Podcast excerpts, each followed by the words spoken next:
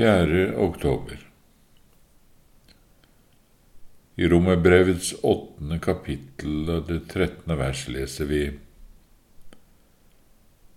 Dersom dere lever etter kjødet, da skal dere dø.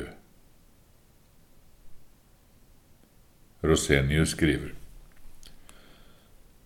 Herav sier apostelen kort og konsist dommen over alle dem som lever etter kjødet. Med dette vil han spesielt vekke til ettertanke dem som gir seg ut for å leve i evangeliets frihet, men bare vil bruke det til å forsvare et liv i sitt kjøds lyster. For her taler apostelen til en flokk med kristne han vil forsøke å vekke dem opp fra en slik innbilning, så de ikke istedenfor liv og nåde, som de vitner om at de har, skal ende i en evig død. Det stemmer jo slett ikke, vil han si, at dere som nå er frelst fra synden og døden og har fått del i Kristi nåde, skal fortsette i deres tidligere kjødelige liv. For hvis det er det dere vil, må dere ikke samtidig tro dere også kan beholde livet og bli frelst, for da er det bare den evige død som venter dere. Kristi fullbrakte verk er til ingen nytte for dem som vil fortsette med syndene sine.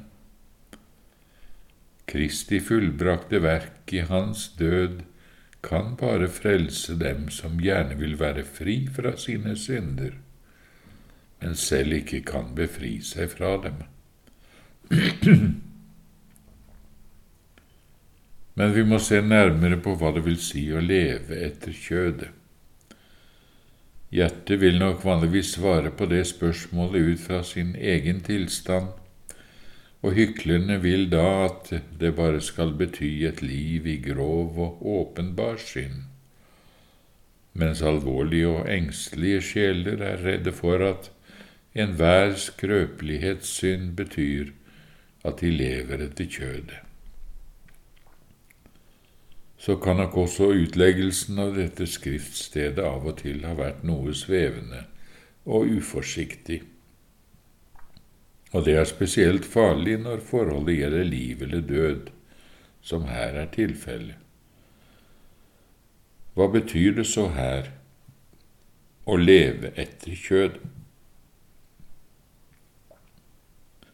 Ja, for det første merker vi oss da at med kjødet menes ikke noen bestemt synd eller lyst, men hele vår fordervede natur slik vi fra fødselen har arvet den fra far og mor. Kristus sier det som er født av kjød, er kjød. Men så er det noen som sier å leve etter kjødet, det er å gi kjødet frihet til å gjøre som det selv vil. Men dette er så ubestemt uttrykt at det lett kan misforstås. Det finnes vel ikke noe ugudelig menneske som aldri strir mot sitt eget kjød? Ja, da ville disse lett kunne tenke seg at jeg gir jo ikke kjødet all mulig frihet, så jeg lever da ikke etter kjødet. På den andre side finnes det ingen troende kristen som ikke med anger må bekjenne at de synder både i ord og i gjerning. Og dette forutsetter jo alltid at kjødet har fått en viss frihet. Det er derfor nødvendig at vi får en mer konkret oppfatning av saken. De som har tolket dette mer utførlig i den kristne ånd, har ofte sagt her vil apostelen si at hvis de kristne blir likeglade og gir etter for kjødet, så kan det føre til åndelig død fordi synden enten fører til søvn og forherdelse eller vantro og fortvilelse. Dette er utvilsomt en kristelig tolkning, mens en annen utvilsomt er mer riktig.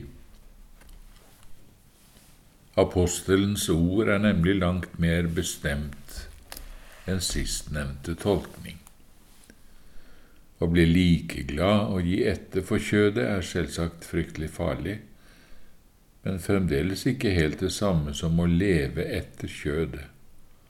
Og ordene 'da skal dere dø' betyr også, etter apostelens måte å tale på, noe mer enn dette at den åndelige døden venter oss.